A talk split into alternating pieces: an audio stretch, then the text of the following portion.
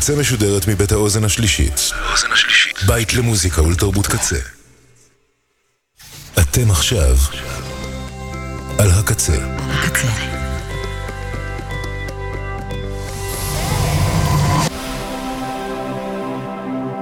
הקצה, הסאונד האלטרנטיבי של ישראל. הקצה. הקצה. Easy Radio Welcome. It's nice to have you here. I'm so glad you could come. This is going to be such an exciting day. I hope you enjoy it. Isn't it about time for somebody's favorite radio program? Radio, what the fuck? Radio Rocky. CinemaScope. Yeah. CinemaScope. CinemaScope. In Yair Rave. So yeah, that's you the, are on the radio. That's the radio. I, this is the radio. That's a DJ. No, Hi better. there.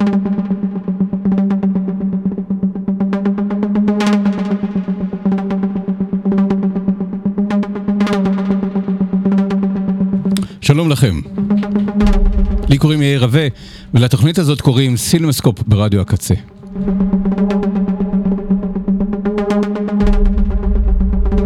זאת תוכנית מספר 387. היום יום רביעי, 24 במאי, 24 במאי 2023, ד' סיוון, תשפ"ג.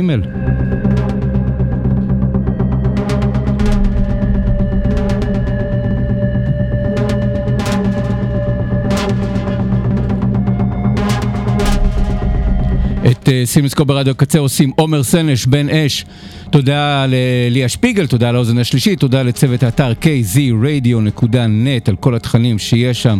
היכנסו, קראו, האזינו, המון דברים יש שם באתר. תודה לכל מי שעושה את רדיו הקצה מאחורי הקלעים.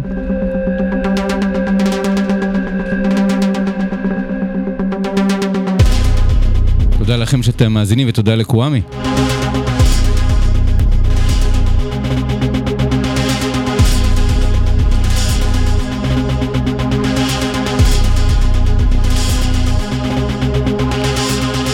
ותודה ענקית לסינמטק תל אביב, כי סינמסקופ ברדיו הקצה משודר בחסות סינמטק תל אביב. והנה כמה המלצות מטעם הסינמטק ממש עבורכם, מאזיני התוכנית, לכמה דברים שהם חושבים שיעניינו אתכם. שימו לב, כי אני אוסף, אוסיף נספח משלי עוד רגע.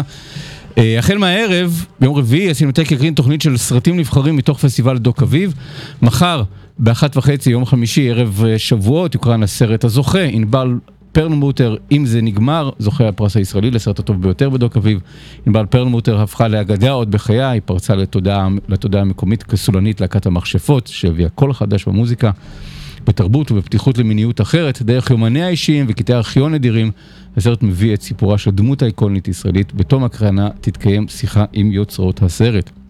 עוד במהלך אה, החג, יוקרן אה, ביום שישי בתשע, אה, שזה כבר לא חג, זה שבת, בשעה תשע הציפורים, אחד מסרטי האימה הגדולים של כל הזמנים. היצ'קוק אינו מנמק את האירועים האפוקליפטיים המתחילים להתרחש בעיירה האמריקאית השלווה בודגה ביי, אלא פשוט מגיש לנו עלילה מסמרת שיער בקצב מהיר לאותם הימים. זוהי בעצם אלגוריה על מיניות והדחקה. האימה הסימבולית מתחילה לחלחל כאשר שחף תוקף, תוקף ללא סיבה. נראית לעין את הגיבורה המגולמת על ידי טיפי הדרן. עד מהרה מופרת השלווה בעיירה כשלהקות ציפורים שלמות תוקפות אנשים עד זוב דם. אני מניח שהסרט מוקרן במלאת אה, 60 שנה לבכורתה, ביום הולדת 60, אה, 1963. במוצאי שבת בשעה תשע, במסגרת תוכנית הדגל לשנת החמישים של הסינמטק, יוקרן הסרט נערת הטלפון והבלש, זה במסגרת הס- הסדרה אה, Easy Riders ו-Raging Bulls. ג'ון קלוט, שזה דונלד סאדרלנד, בלש פרטי מעיירה קטנה, מגיע לניו יורק, בחיפוש אחר אה, איש משפחה שנעלם. הרמז היחיד, ש... הרמז היחיד שיש לו, אה, רגע, צריך לשים פה מוזיקה, שנייה. כן. הרמז היחיד שיש לו,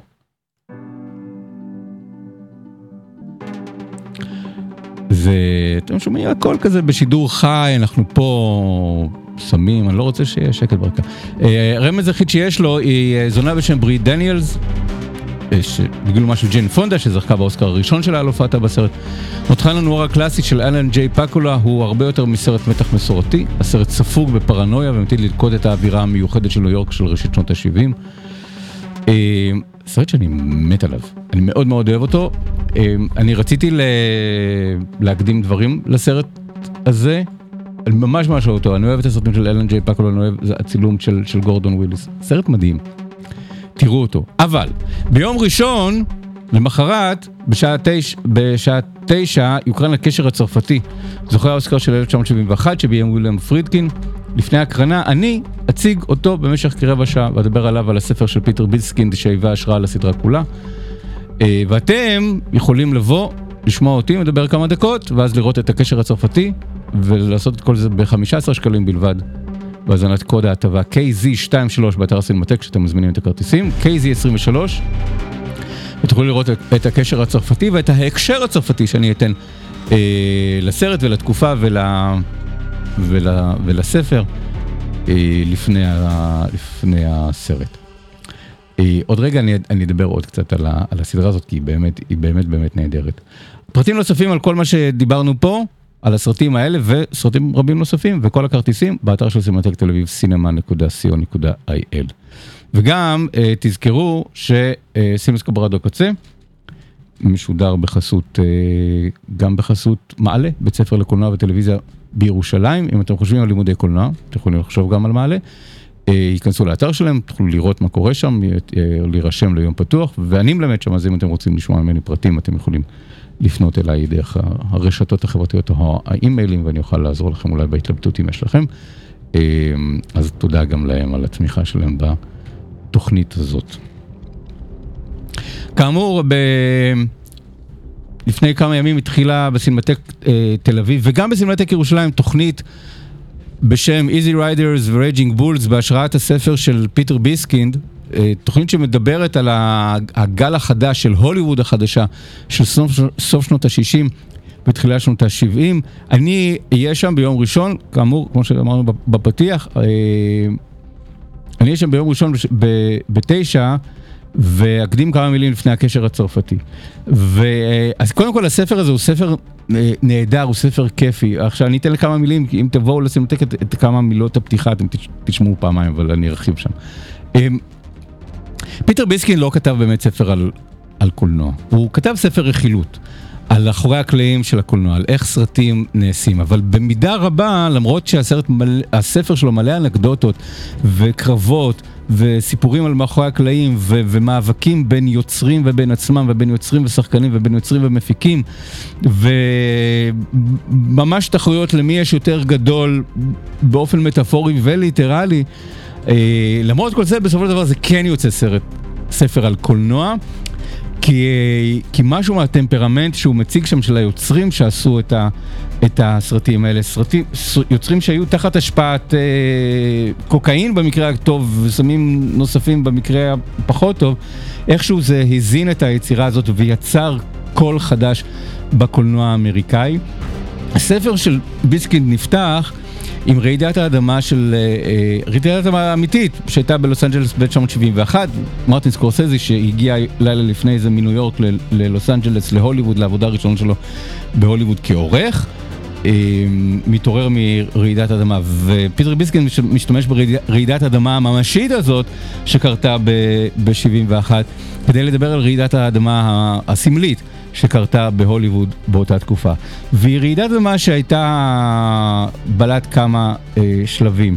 והיוצרים שהוא מתמקד בהם הם השלב השלישי בדבר הזה. כי זה מתחיל עם הקהל, הקהל השתנה, הקהל נהיה צעיר יותר, הקהל נהיה קהל ש, שגדל עם הרוקנרול, גדל אחרי מלחמת העולם השנייה, הטעמים שלו השתנו, המוסריות שלו השתנתה, היכולת שלו להכיל מיניות ואלימות אה, השתנתה, ובמקביל לזה היכולת של הוליווד להציג את הדברים האלה עבור קהל, מה שנקרא ההתמוטטות של שיטת אה, הצנזורה, הקוד. אה, שהיה מין צנזורה עצמית של הוליווד על, על עצמה, ובמקום זה השימוש בשיטת הרייטינג שמעבירה את, ה, את, ה, את האחריות לצופים ולא ליוצרים. של, ה, אה, של הסרט. אנחנו אומרים לכם מה יש בסרט, אתם מחליטים אם אתם רוצים לבוא ולראות אותו. ואנחנו לא מצנזרים את הסרטים בשעת ה, היצירה. אז פתאום הסרטים נהיים... קודם כל אה, מלוכלכים יותר בשפה שלהם, שבאמריקה זה מאוד, זה עניין מאוד מאוד גדול, ואז הם נהיים אה, יותר אלימים, ואז הם גם נהיים יותר מיניים, פתאום דימויים של עירום, דימויים של, של סקס. אה, ועיסוק בדברים של, שעוסקים במיניות. אז כל זה קורה בחצי השני של שנות ה-60, ה-60's נכנסים לתמונה, וה, והמפיקים מבינים שהדור משתנה, שהקהל משתנה, ומחפשים יוצרים שיוכלו לייצג את, ה, את הדור הזה. אז זה מתחיל מהקהל, עובר למפיקים, יש דור חדש של מפיקים שמנהלים את העסק ב, בהוליווד החדשה, הוליווד הישנה. הלכה ו- ונעלמה. אה, בוב אבנס בפרמאונט, ג'ון קאלי אה, בוורנר, הם האנשים שמקבלים את הקרדיטים על זה שהם חיפשו את הקולות החדשים, חיפשו את הקהל החדש הצעיר הזה, והסיפורים מתחילים דווקא עם, אה, עם היוצרים הוותיקים יותר, מישהו כמו ארתור פן, שכבר היה לו רקורד של עשייה ועשה את בוני וקלייד. ו... ואז הכניסה של הקולנוע העצמאי, פעם ראשונה פתאום סרט עצמאי שנעשה מחוץ למסגרת הוליוודית, הופך להיות לתופעה תרבותית, זה Easy Riders, אדם בעקבות גורלו, של אה, פיטר פונדה ודניס הופר, ואז ההבנה הזאת של הוליווד שצריך גם דור חדש של, של יוצרים. אז, אז, היה, אז היה לנו את ארתור פן ואת מייק ניקולס, הם היו כבר הוותיקים שידעו לדבר בשפה של ה... אה, של השפה של הצעירים, אבל צריך כבר את הצעירים. ובתוך הצעירים זה המקום שבו הסרט באמת, הספר של פיטר ביסקינד נכנס לדיבור הזה של האנשים שלמדו, הם לא באו מתוך הוליווד, הם באו מתוך האקדמיה, הם למדו קולנוע. הם רצו להיות, אה, לא רצו להיות ג'ון פורד, הם רצו להיות טריפו ו, וגודאר.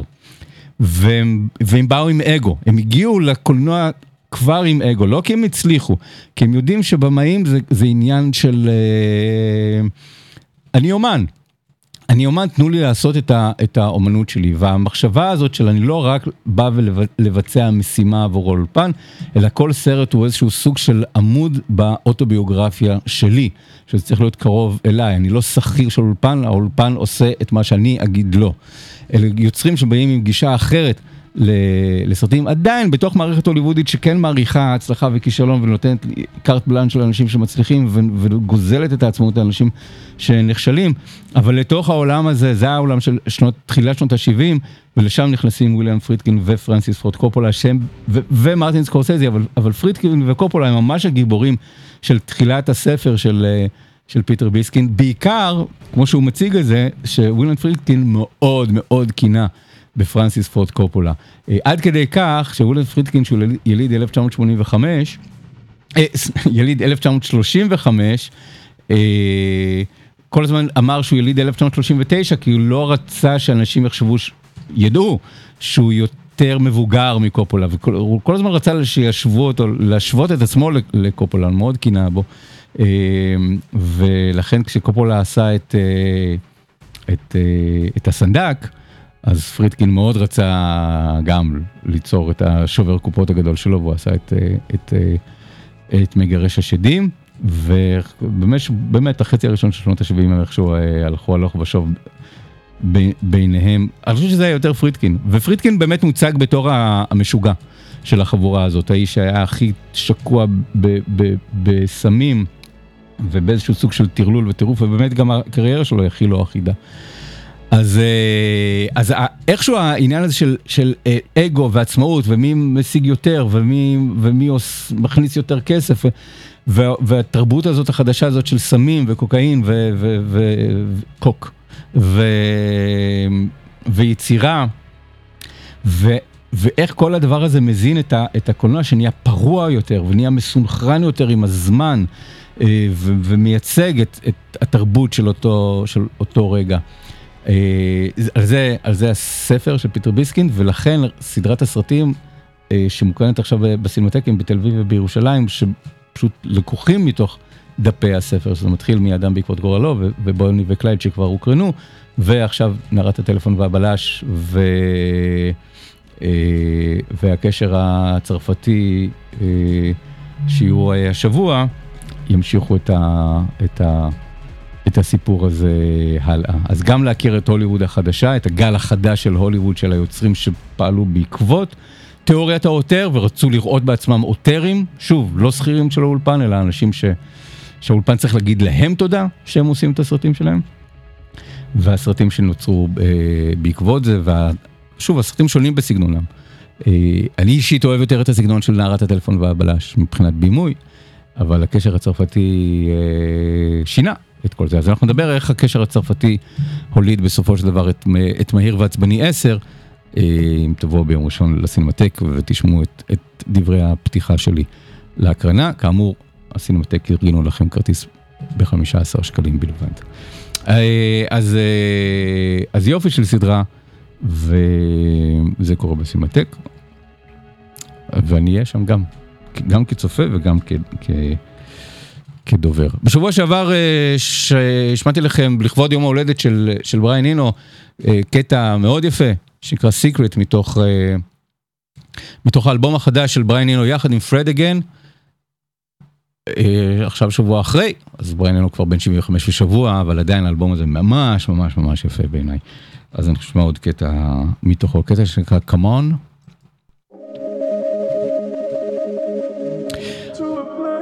ברייס דסנר, שנמצא בכל מקום עכשיו, שותף ליצירה הזאת. ויש פה סימפול של אה, זמרת אה, סקנדינבית בשם, אה, בשם לידיה קלאוז, והרכב שהיא, uh, שנקרא uh, Bad Honey. זה הסימפול של השירה ברקע, והוא פשוט קטע יפהפה שנקרא Come On.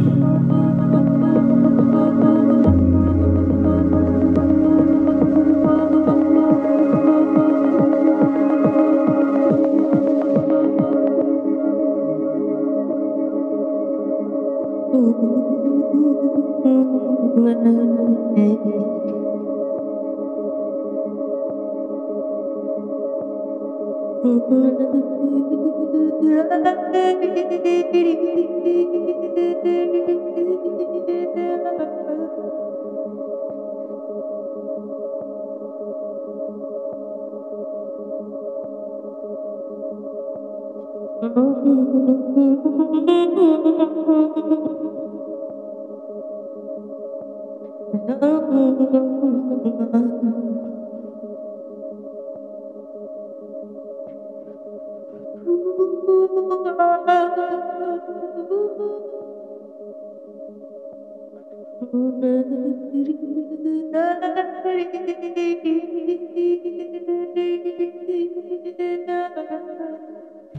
האלבום זה נורא יפה, נקרא Secret Life, בריין אינו ופרד אגן.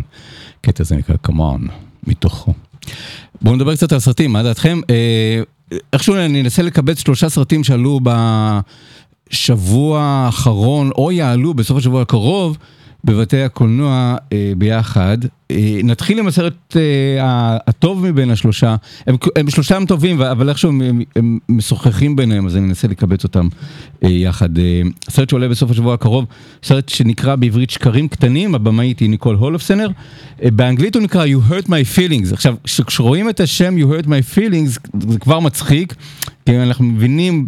אני חושב לאן הסרט אה, הולך, איזשהו סוג של זה, יש בזה איזשהו סוג של טון תינוקי, בייחוד כשאומרים את זה אנשים בני 50 פלוס, שנורא נורא נפגעים אחד מהשני בשנים האחרונות. אבל אני חייב להגיד שאחרי שראיתי את הסרט, דווקא השם העברי שלו, שקרים קטנים, הוא, הוא, הוא, אה, מייצג יותר נכון את, את, אה, את הסרט. אז אם בדרך כלל אני אה, מקנית את המפיצים על זה של התרחקתם רחוק מדי ב... בתרגום השם אני אומר פה התרחקתם אבל אבל אבל צדקתם. הסרט החדש של ניקול הולופסנר שהיא במאית ניו יורקית נהדרת ורבים מסרטיה כבר הגיעו להקרנות בארץ. enough said אמרנו מספיק מ-2013 מלפני עשר שנים היה אחד, אחד הבולטים שבהם הסרט עם ג'וליה לואי דרייפוס וג'יימס גנדולפיני, אחד הסרטים האחרונים שג'יימס גנדולפיני עשה לפני, לפני מותו. גם הסרט החדש שלה הוא עם ג'וליה לואי דרייפוס בתפקיד הראשי. Walking and Talking ו-Lovely and Amazing, סרטים ו-Friends with Money, כל אלה סרטים שלה שהוקרנו בארץ, אני חושב ש-Lovely and Amazing היה גם איזושהי הצלחה ב-2001, הצלחה די... די גדולה בזמנו במסגרת הקולנוע העלילתי העצמאי שהוא היה מוקרן בארץ ולפני הסרט האחרון שלו היה The Land of Steady Habits, ארץ הרגילים הקבועים שנמצא ב... נמצא ב... בנטפליקס. והוא גם סרט מאוד יפה. הוא עושה סרטים קטנים על אנשים רגילים שחיים חיים נוחים לרוב בניו יורק או איפשהו ב, באזור הזה של ניו אינגלנד בצפון מערב ארה"ב, אנשים שיש להם השכלה אקדמית, אנשים שיש להם, אנשים שיש להם מקצוע חופשי, אבל הם אף פעם לא מרוצים, הם אף פעם לא מאוד שמחים, תמיד נמצאים באיזשהו סוג של אה, מצוקה, אכזבה ומרמור, וזה בדיוק הסיפור של אה, שני, שתי הדמויות הראשיות, אבל בעצם ארבע הדמויות הראשיות ב, בסרט החדש שלהם בשקרים אה, קטנים, יש שם אה, סופרת, ג'וליה לואי דרייפוס, שמנסה להוציא את ספרה השני ומלמדת אה, כתיבה יוצרת אה, תוך כדי, ו... והבן זוג שלה הוא, הוא פסיכולוג, ואח שלה, לא, אחות שלה היא מעצבת פנים, וגיסה הוא שחקן. אז יש פה אנשים שעוסקים בעיצוב ופסיכולוגיה, ושני אנשים שעוסקים בתיאטרון וב, ובכתיבה, תזכרו את זה כי עוד מעט נדבר על עוד סרט שגם שם יש עניין של כתיבה ושל, ושל תיאטרון. ואם ככל שהסרט נמשך, אנחנו מבינים אחד משני דברים, או שהם לא מאוד מאוד טובים במה שהם עושים, הם לא, הוא לא הפסיכולוג הכי טוב, היא לא הסופרת הכי טובה, הוא לא השחקן הכי טוב, היא לא המצבת הכי טובה. ויש להם רגעים של הצלחות, יש רגעים שבהם הם, הם מקבלים איזושהי הכרה, הם מצליחים לעשות מה, אה, משהו טוב, אבל רוב הזמן יש איזשהו פספוס, הם לא באמת מצליחים להגשים את הדבר הזה שהם, אה, שהם עושים, והם לא רק מרגישים, זה לא רק הנוירוטיות של אה, אני עושה את מה שאני עושה ואני לא מרגיש מסופק, אלא נראה שבאמת מה, מהתגובות שהם מקבלים סביבם, הם לא מספיק טובים. במה שהם עושים, שזה כבר נקודת מוצא אה, מקסימה לדבר כזה, כי אנחנו רגילים לראות סרטים בעולם הזה, אה, סרטים של אנשים שמצליחים אבל הם לא, לא מספיק מרוצים מההצלחה שלהם, הם, הם, אה, או שהם מרוצים מזה שהם לא מצליחים או שהם לא מרוצים מזה שהם, שהם לא מצליחים מספיק, אבל בסרט הזה הם לא מרוצים כי כנראה שהם באמת לא באמת מאוד טובים במה שהם עושים, ויכול להיות שכל אחד מהם היה יכול להיות יותר טוב אם הוא היה עושה אה, משהו אחר. והדרמה, עכשיו, אני מציע לא לראות את הטריילר של, של הסרט, כי הטריילר, למרות שהסיטואציה היא, היא, היא, היא פשוטה, אבל טריילר מסגיר קצת יותר מדי, כי יש איזושהי סיטואציה בתוך זה, בתוך הדינמיקה של שני הזוגות האלה, אה, שבה איזשהו שקר לבן, שנאמר בין הזוגות אה, נחשף והופך מאירוע שולי לאירוע מאוד מאוד גדול במערכת היחסים והאמון בין uh, כל הזוגות. ואז נשאלת באמת השאלה, ולכן השם של הסרט בעברית שקרים קט, קטנים הוא, הוא, הוא רלוונטי ואקטואלי ומתאים פה. Uh, מה, מה מידת הפתיחות, מה מידת האמת שאנחנו יכולים, מוכנים לספוג אה, מאנשים שקרובים אלינו, בוודאי מבני זוג, אבל בכלל אנשים קרובים, אחים, אחיות, גיסים, אנשים שעובד, שעובדים איתנו. האם אנחנו רוצים שיגידו לנו את האמת ואת כל האמת, או, או האם אנחנו רוצים שקצת יפרגנו לנו יותר ממה שמגיע לנו ב... מתוך מנגנון אה, הגנה ו... ועידוד. עכשיו, ניקול אולפסנר היא תסריטאית נהדרת, יש בה איזה מין... אם אתם מתגעגעים לקולנוע של וודי אלן, ש... שהוא כבר, הוא עצמו כבר לא עושה את הסרטים של וודי אלן, וממילא הם לא מגיעים לפה. אז ניקול אולפסנר קצת עושה את וודי אלן כמו שהוא היה פעם בשנות התשעים. לא וודי אלן הגדול, לא וודי אלן המש...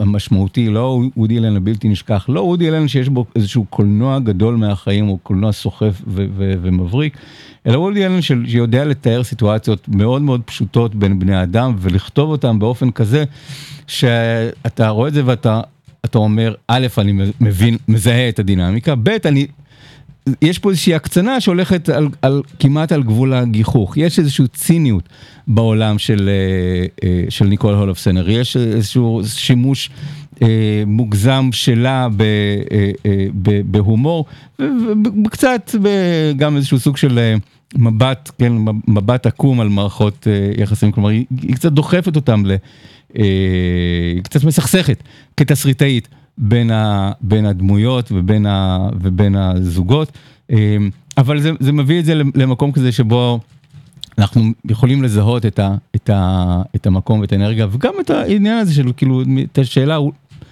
אם הם שואלים אולי אני צריך לעשות משהו אחר, אולי, אולי התשובה היא, היא כן, וגם שוב, גם זאת לא תמיד תובנה שאנחנו רואים בקול, בקולנוע בכלל ובקולנוע האמריקאי אה, בפרט, של אה, המחשבה הזאת של... אה, אני טוב במה שאני עושה ואני רק מחכה שיגלו אותי, אבל לא, אולי, אולי, אולי זה לא מספיק טוב, אולי באמת החיים האלה הם חיים בינוניים. למרות ההצלחה, למרות הפרסום, למרות החיים הנוחים, למרות התארים, למרות הנוחות של, ה, אה, של החיים, אולי אני לא מספיק טוב בזה. והסרט הזה, שהוא באמת סרט קטן, קאמרי מאוד, של ארבעה אנשים, ועוד כמה דמויות אה, אה, משנה. ו... ויש לה את, ה... את הטעם הזה, שוב, זה לא, בל... זה לא סרט בלתי נשכח, אבל יש מהסרטים האלה שיושבים ואומרים, בא לי מהדבר הזה, בא לי מה... מהעולם הזה של אנשים שבעים, אבל לא שבעי רצון. אנשים ש... שנוח להם בחיים, אבל לא נוח להם אה, עם עצמם, ובגלל שהם לא, אה, בגלל שהסרט הוא, הוא, הוא די, הוא מצחיק, הוא שנון, הוא, הוא, באמת יש בו הברקות יפות בסיטואציות ובהתנסחות שלו, אמ, אז הוא גורם איזשהו סוג של אה, קורת רוח. הם סובלים, אבל אנחנו לא סובלים איתם. וזאת להבדיל מהסרטים אה, האחרים ש, שיצאו סביב הסרט הזה, שני סרטים צרפתיים. אה, שמתנהלים בעולם דומה. אז קודם כל נדבר על יום, אה, על בוקר יפה אחד אה, של הבמאית מאיה הנסן להב. יצא לנו במקרה אה, שני סרטים מאוד קטנים של במאיות על, על, על משפחה. וגם פה הגיבורה, גיל- בגילומה של ליה סיידו, היא עוסקת בכתיבה, היא מתרגמת. ו... אבל, אבל מאיה הנסן להב, שאני אוהב את סרטיה לסירוגין, מאוד אהבתי את הסרט הקודם שלה, את, אה, האיש של ברגמן, ממש אהבתי אותו, חשבתי שהוא היה, הייתה בו שם איזושהי הברקה באופן שבו היא, היא, דיברה על, על יצירה, גברים ונשים בעולם של יצירה, בתוך הקונטקסט של היצירה של ברגמן, על, על האי שבו ברגמן צילם את סרטיו, באופן שבו ה... יש את החיים ויש את, את המתח בין בני זוג בחיים, ו- ואחר כך איך המתח הזה הופך להיות יצירה קולנועית. באמת סרט, אה, סרט יפה. אה, הסרט החדש הוא פשוט, הוא מתחיל עם הלוגו של פילמס דו לוזאנג', אה, חברת הפקה של לוזאנג', אה, שאני מכיר את, ה, את הלוגו הזה בעיקר מהסרטים של אריק רומר. אני לא יודע אם אריק רומר עצמו הקים את החברה הזאת, אבל אני יודע שזו החברה שהפיקה את רוב סרטיו, או אפילו את כל סרטיו.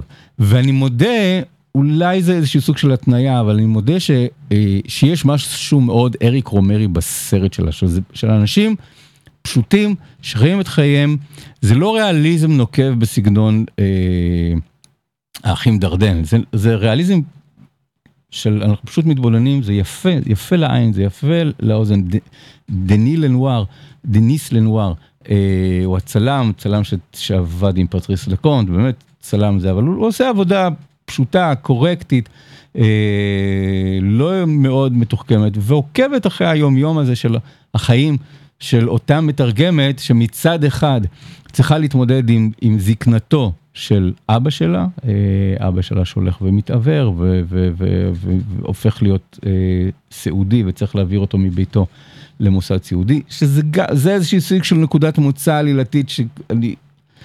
ראינו אותה ביותר מדי סרטים צרפתיים בשנה האחרונה, אבל, אבל זה לא עיקר הסרט, עיקר הסרט זה שמצד מצד אחד יש את הסיפור הזה עם האבא והמשפחה של מה לעשות עם האבא, מצד שני איזשהו סוג של ידיד, חבר, אה, חבר פלטוני ש, שחוזר לחייו ונכנס לחייו והופך להיות מחבר הפלטוני לחבר אה, אה, רומנטי, ואז יש איזשהו סוג של חיים חצויים של אותה אה, מתרגמת שצריך כאילו מה המקור ומה הטקסט המתורגם מבין, מבין שני החלקים של, ה, של החיים שלה.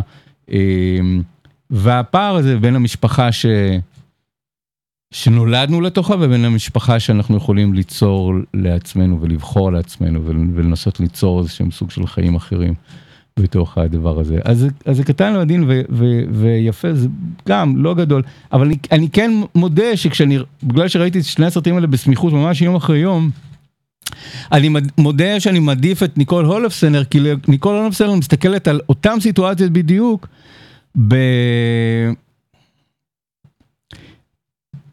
במבט אה, הומוריסטי, יש, יש הומור ב, ב, ב, בסרט שלה, יש חיוך בסרט שלה, יש איזשהו סוג של, זה לא רק מסתכל מה קורה, אלא, אלא מוסיף איזשהו סוג של נקודת מבט אירונית וצינית. לסיטואציה הזאת, ואני מעדיף את זה, כי זה מרכך את הגלולה, כאילו החיים האלה, סרטים על, על, על כמה מר להיות בחיים, וה, וההומור, וההומור מרכך את, ה, את הגלולה המרה הזאת ש, שיש בתוך, בתוך הדבר הזה. אבל שני סרטים יפים, דומים גם מבחינה סגנונית של אנשים שהולכים ברחוב, הרחוב בפריז מצד אחד, בניו יורק מצד שני. שני, שני סרטים של, של יוצרות עם גיבורות בתפקיד הראשי, שעוסקות ב, בעולם המלל וה, והמילים. ולזה אני מצרף סרט צרפתי שלישי שיצא שבוע אחד לפני זה, סרט שנקרא אח ואחות. הבמאי הוא ארנו דה פלשן, במאי שאני אוהב. ואני מודה שכשאני רואה את סרטיו, אני גם שואל את עצמי למה אני אוהב אותו, כי אף אחד מהסרטים שלו לא באמת טוב, לא באמת גמור עד הסוף, הסרטים שלו מבולגנים, מאוד לא מהודקים, אבל יש להם גם תסריט, הוא יודע לכתוב, הסרטים שלו דברניים מאוד, אבל גם יש שם קולנוע. אם אני רוצה, אם מבין שלושת הסרטים האלה, סרט שיש בו בימוי שנראה כמו שאני אוהב, שהמצלמה מורכבת והולכת, ויש איזשהו סוג של אקספרסיביות בעשייה, ולא רק נטורליזם, אז, אה, אז אח ואחות הוא הקולנועי מבין שלושת הסרטים, הוא לא ה... אה, הוא לא דווקא הרהוט והממוקד מביניהם, אבל הוא הקולנועים וזה, ויש שם רגעים שאתם אומרים, וואו, זה במאי, הוא באמת יודע לביים רגעים יפים. וגם צריך לזכור שיש פה שני סרטים צרפתיים שעוסקים במשפחות, אה, אבא ובת, או אח ואחות, והוריהם, אה, ושיש בהם ערך קולנועי, כי רוב הסרטים הצרפתיים שמגיעים לישראל, רובם מוקרנים בסינמטק בתל אביב, אבל רוב הסרטים הם באמת סרטים שעוסקים במשפחות ובדיאלוגים, ויש שם איזשהו סוג של תיאטרון מצולם, ויש איזשהו סוג של נהנתנות מפונקת בורגנית מהסוג הכי לא, אה, לא נעים וכלום, ואין ערך מוסף, לא קולנועי ולא אנושי בסרטים האלה, ויש בהם משהו מאוד בינוני, והנה מגיעים שני סרטים כאלה שיש בהם משהו קצת יותר. גדול. יום, יום, אה, בוקר יפה אחד, הוא היה נציג, נציג אה, צרפת לאוסקרים בשנ, בשנה שעברה, למשל. אה, אז יש משהו יותר עמוק ויותר, ויותר ברור בסרטים האלה, ולכן אני כבר... נוצרה בי איזושהי אלרגיה לסרטים צרפתיים שעוסקים במשפחות ובבעיות משפחתיות, והנה מגיעים דווקא שני הסרטים האלה שעושים את זה יפה. אז אחד יותר נטורליסטי והשני קצת יותר אקספרסיבי בקולנוע. באח ואחות, מריון קוטיאר היא, היא כוכבת הסרט, היא גיבורת הסרט, היא האחות מהאח ואחות, אמ, והיא שחקנית תיאטרון, ואח שלה הוא סופר. אז שוב, זה צירוף מקרים. שב, שיש לנו אה, אה, ספרות ותיאטרון ובשקרים קטנים יש לנו גם ספרות ותיאטרון שם זה גיסים אם אני זוכר נכון בקונסטלציה בין, ה, אה, בין הדמויות. אה, כן, נכון? שם זה גיסים. אה, ג'וליה לואי דרייפוס היא הסופרת, וגיסה, בן זוג של, של, אה, של אחותה, הוא שחקן תיאטרון. ושוב, יש פה איזשהו סוג של מתח בין, בין המציאות ובין האופן שבה מייצגים את המציאות, על, על במה. או על, על במה, או, על, או, או, או בטקסט, אנשים שמנסים. לכבוד את הדבר הזה. אה, כמו בסרט של, אה, אה, של מאיה אנסון לאב, גם כאן יש סיפור של, של הגיבורה עם הוריה המזדקנים שנמצאים בשלב האחרון של חייהם וההתמודדות עם, עם סוף החיים של ההורים ועם, ה, ועם הילדות שהייתה להם והעובדה הזאת שעכשיו צריך לרחם על הורים שאולי לא זקוקים מאוד לרחמים בשלב מוקדם יותר של מהחיים וההתמודדות עם החיים אה, והמחשבה מה יהיה אחרי שההורים אה, ילכו לעולמם ואיך מתחילים או ממשיכים את החיים ואיך מתפייסים עם החיים. אני חייב להגיד שאח ואחות ריתק אותי מבחינה קולנועית ואני גם צריך להגיד שלא לגמרי הבנתי אותו. אני אומר את זה בכנות, לא, לא הכל, היו שם יותר מדי דברים עמומים בסרט, אה, שנשארו בעיניי פתוחים או לא לגמרי מוסברים, או שמבקשים ממני איזשהו סוג של השלמת פערים, ולכן הסרט היה בשבילי לא מאוד רהוט. אבל ארנו דה פלשן, אז הסרטים שלו והמגע שלו, אני לא יודע, שוב, אני לא יודע מה הביוגרפיה שלו, אבל גם הסרט הקודם שלו שהגיע לישראל, רוחות ישמעאל, אה, שעסק, הגיע לעסוק גם בנושא של יהדות. גם כאן יש פה, אה, יש אה, האח נשוי לאישה יהודייה, ויש סצנה שלמה ב... ביום כיפור, סצנה מאוד מאוד משמעותית ומאוד מאוד טעונה ביום כיפור, למרות שהוא קתולי, הוא בא לבית כנסת ביום כיפור כי החבר הכי טוב שלו הוא, הוא יהודי ואשתו יהודייה. והוא רוצה לצום למרות שהוא אה, לא, אמ-, לא אמור לצום. אז יש אה, אה, גם סיטואציות כאלה שפתאום העניין הזה של העולם, העולם הדתי, העולם האמוני, הקתוליות מצד אחד, היהדות מצד שני, והחיים של כן, של כן, כן אמונה או לא אמונה, גם זה נכנס לתוך, ה, לתוך התמונה של, הזה, של חיים של חסד מול חיים של, של, של, של דינים ושל... אה, של עולם שהוא יותר קשוח. הסרט יפה מבחינה קולנועית, הוא קצת מתסכל, אה, אבל, אה, אבל יש בו משהו מרשים באופן שבו אנחנו מתמודדים גם עם, עם התיאטרון וגם עם הספרות, ועם איזשהו סוג של מתח מאוד גדול בין, אה, בין שני האחים ששונאים אחד את השני ואז צריכים איכשהו סביבה. הסיפור הזה עם ההורים שלהם, אה, שמגיעים לבית חולים, צריכים איכשהו אה, להתלכד. הקטר שמחכים שהוא יגיע ושאם ניקול הולפסנר הייתה כותבת את הרימייק האמריקאי לזה אז, אז הקטרזיס היה יותר ברור, הקטרזיס הזה הוא מאכזב. הוא לא מגיע, האיחוד הזה או איזשהו סוג של השלמה, מצד שני זה מאוד צרפתי אולי, אתם מצפים כל הזמן שיקרה איזשהו סוג של פיוס גדול, ויש פיוס אבל הוא פיוס מאוד מאוד קטן ולא בטוח האם הוא באמת אה, מחזיק מעמד, אבל אולי זה משהו שהוא מתאים יותר ל... לרעיון, אה, כן, רעיון צרפתי. אז אה, שלושה סרטים באותו קנה מידה של אנשים שהם לא גדולים, אף אחד, הסופר הוא לא סופר גדול, השחקנית היא לא שחקנית גדולה, היא במין תיאטרון, כנראה שחקנית טובה, אבל בתיאטרון אזורי בצפון צרפת. מתרגמת או סופרת בניו יורק, כל האנשים האלה שהם נמצאים כזה באמצע המדרגה של, ה, של העבודה שלהם, של החיים שלהם, של הקריירה שלהם וההתמודדות שלהם עם החיים. אז יש לנו את המלודרמה אצל ארנוד דה פלשון, יש לנו את העולם הנטורליסטי הטבעי יותר אצל מאיה אנסן להב, יש את הצד היותר קומי וציני ואירוני ומבודח אצל ניקול הולפסנר. אמ, אז אני ממליץ לכם לראות את שקרים קטנים, ואת אח ואחות, ולבסוף גם את אה, בוקר יפה אחד, לפי, לפי הסדר הזה, סדר ההנאה, ועשו לכם מיני, מיני פסטיבל של סרטים צרפתיים או סרטים בהשפעה צרפתית, שנעשתה.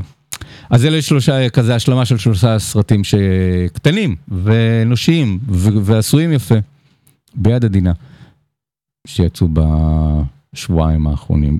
בבתי הקולנוע, אני חושב שכולם גם סרטים של קולנוע לב, את שלושתם ראיתי בקולנוע לב, אני חושב ששלושתם סרטים של קולנוע לב. לפול סיימון יצא ביום שישי אלבום חדש שנקרא Seven Psalms, שבעה מזמורים, אלבום שנמשך 33 דקות, יש בו שבע אה, רצועות, שבעה קטעים, או כמו שהוא כותב על זה באתר שלו, זה יצירה מוזיקלית עם שבע תנועות. אבל uh, אם תיכנסו לזה או בדיסק או, בווין, או, או באמת איך הוא עושה את זה בווינים, שאלה טובה. בדיסק או באתרי הסטרימינג למיניהם, זאת רצועה רצופה אחת, אין חלוקה לשירים. אנחנו קצת זוכרים את פרינס עושה כזה דבר ב-CD של לאב סקסי. אה, אני חושב שמה שפרי, שפול סיימון עושה פה זה המלחמה שלו נגד אה, הדבר הזה שנקרא ה shuffle.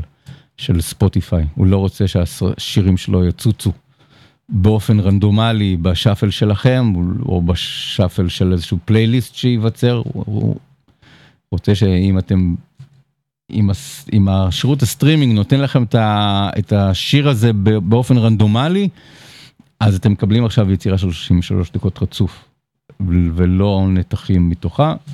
אמ, כאילו להפוך את הרודנות של...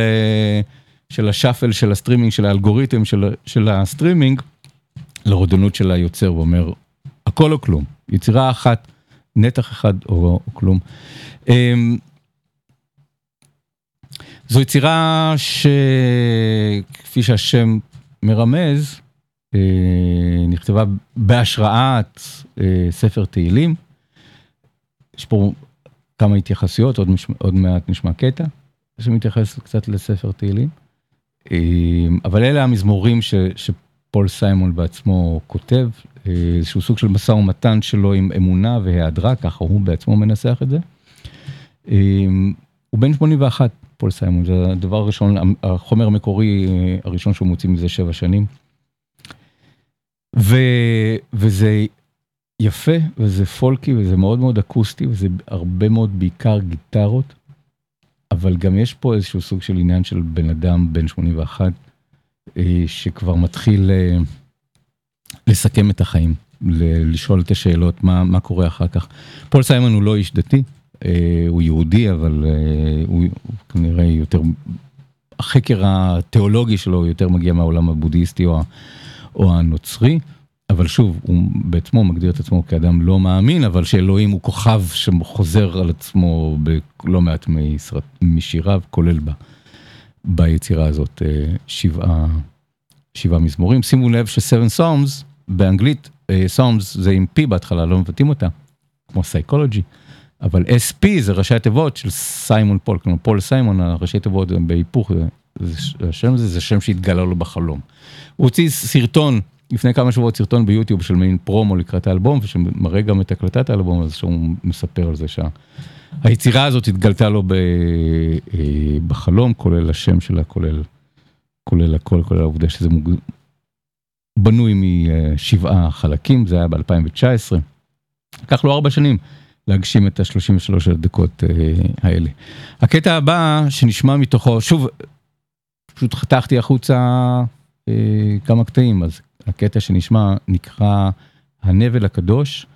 אה, יש פה סיפור על שתי טרמפיסטיות, ועניין עם אה, הנבל של דוד המלך. זה קצת הזכיר לי את, אה, את נקודה טובה של, אה, של שולי רנד.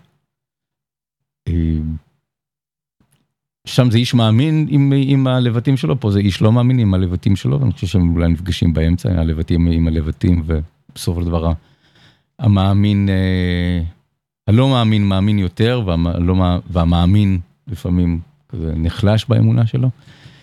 אה, ודוד המלך, זה מעניין, שוב, אני, אני תוהה עד כמה זה מכוון, עד כמה אה, פול סמון מכוונה ללוח השנה העברי, אבל, אבל מחר, אם אתם שומעים את התוכנית ביום רביעי, אז מחר ערב שבועות, על פי המסורת שבועות זה יום פטירתו ולידתו של דוד המלך, אה, קוראים את ספר תהילים במהלך אה, חג השבועות לכבוד דוד המלך ש, שכתב את, אה, את הספר.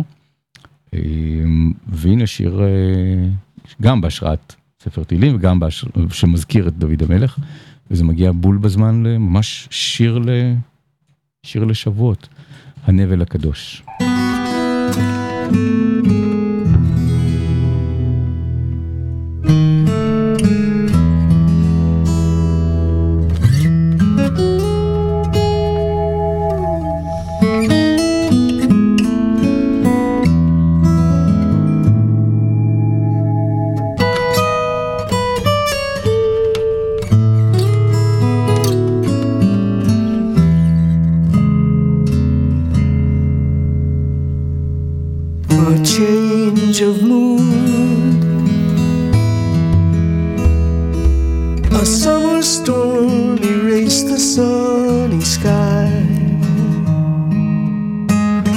hapless hitchhikers were signaling us as we were cruising by.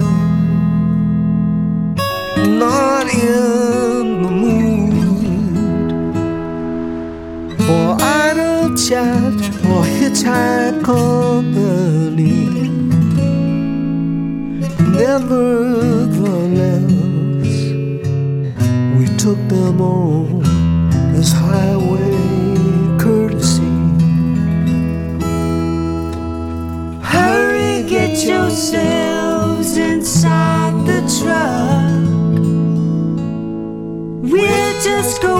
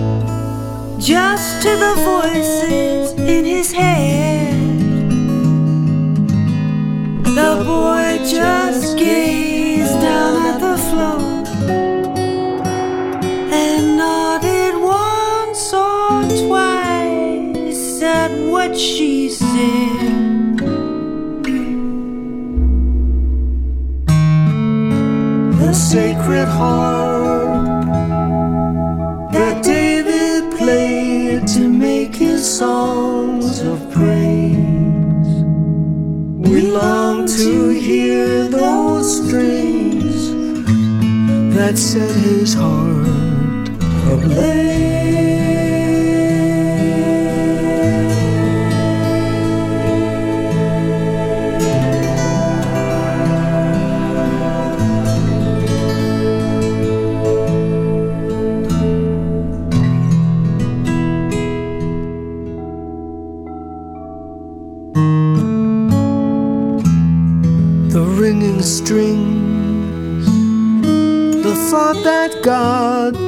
turns music into bliss.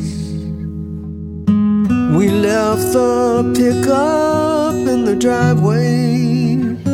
The moon appeared as amber in the mist. פול סיימון יחד עם אידי בריקל, בת זוגו. אה, The Sacred Harp, הנבל אה, הקדוש. אנחנו נמשיך אה, לאורך כל האלבום, אולי לכן הוא רצה ליצור את זה כיצירה אחת, יש קטע שנקרא The Lord, האל, אה, שהוא חוזר לאורך כל ה... בין שיר לשיר, כל פעם עוד איזה ריפריז, עוד, איזושהי חזרה שלו. יש את מזמור תהילים, כ"ג, The Lord is my shepherd, I shall not want, השם רועי, לא יחסר. אבל אצל פול סיימון, האיש הלא מאמין, אז אלוהים הוא לא הרועה שלו, אלא הוא כל מיני דברים אחרים. בקטע הבא, אלוהים הוא טכנאי ההקלטות שלו. בקטע הראשון, בתחילת האלבום, אלוהים הוא המהנדס שלו, שזה נהדר. עכשיו הוא my, my recording engineer, כן? בהתחלה זה רק engineer, עכשיו זה recording, טכנאי ההקלטות שלו, אלוהים הוא המפיק המוזיקלי שלו. ו... ואחרי זה התחבר הקטע האחרון שנקרא wait. חכה רגע, אני חושב שהוא אומר את זה למלאך המוות, חכה רגע, אני עוד לא מוכן ללכת. אה, זה מזכיר לי את מדד דיו, עוד לא. הסרט האחרון של אקירה קורוסאווה מזכיר לי את, אה, את, אה, את המתים של ג'ון יוסטון, ההתמודדות הזאת עם המוות שמגיע. המתים של, של ג'יימס ג'ויס מופיע, ההצגה של המתים מופיעה באח ואחות. גם שם יש את העניין הזה של התמודדות עם מוות והטקסט הזה של ג'יימס ג'ויס בתוך, בתוך הדבר הזה, The Living and the Dead. אז איכשהו כל הדברים האלה מתחברים לי בתוך זה, והמחשבה הזאת של פול סיימון, אחד היוצרים הכי אהובים עליי. אומר למלאך המוות, חכה רגע, עוד לא, עוד לא, אני עוד רוצה לעשות אה, דברים, מצד שני אולי יש, אולי יש גן עדן, אולי יש חיים אחרי המוות, ואולי העולם הבא הוא הבית. ככה מדבר אדם אה, אתאיסט, לא מאמין. חג שבוע שמח, פול סיימון, איתו אנחנו מסיימים, סימסקו ברדיו הקצה.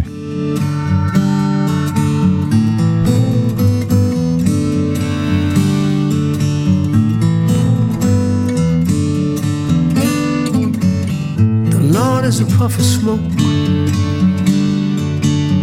that disappears when the winds blow. The Lord is my personal joke, my reflection in the window. I've been thinking about our tribal nature, our benediction and our curse. Are we all just trial and error? One of a billion in the universe.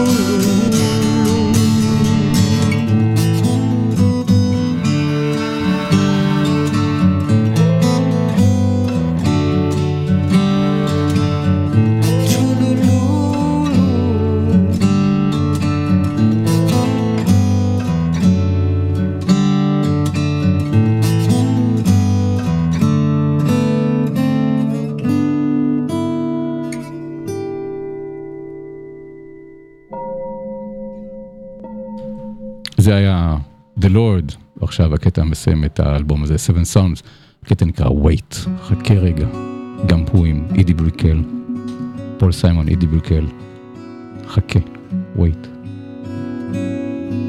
Wait.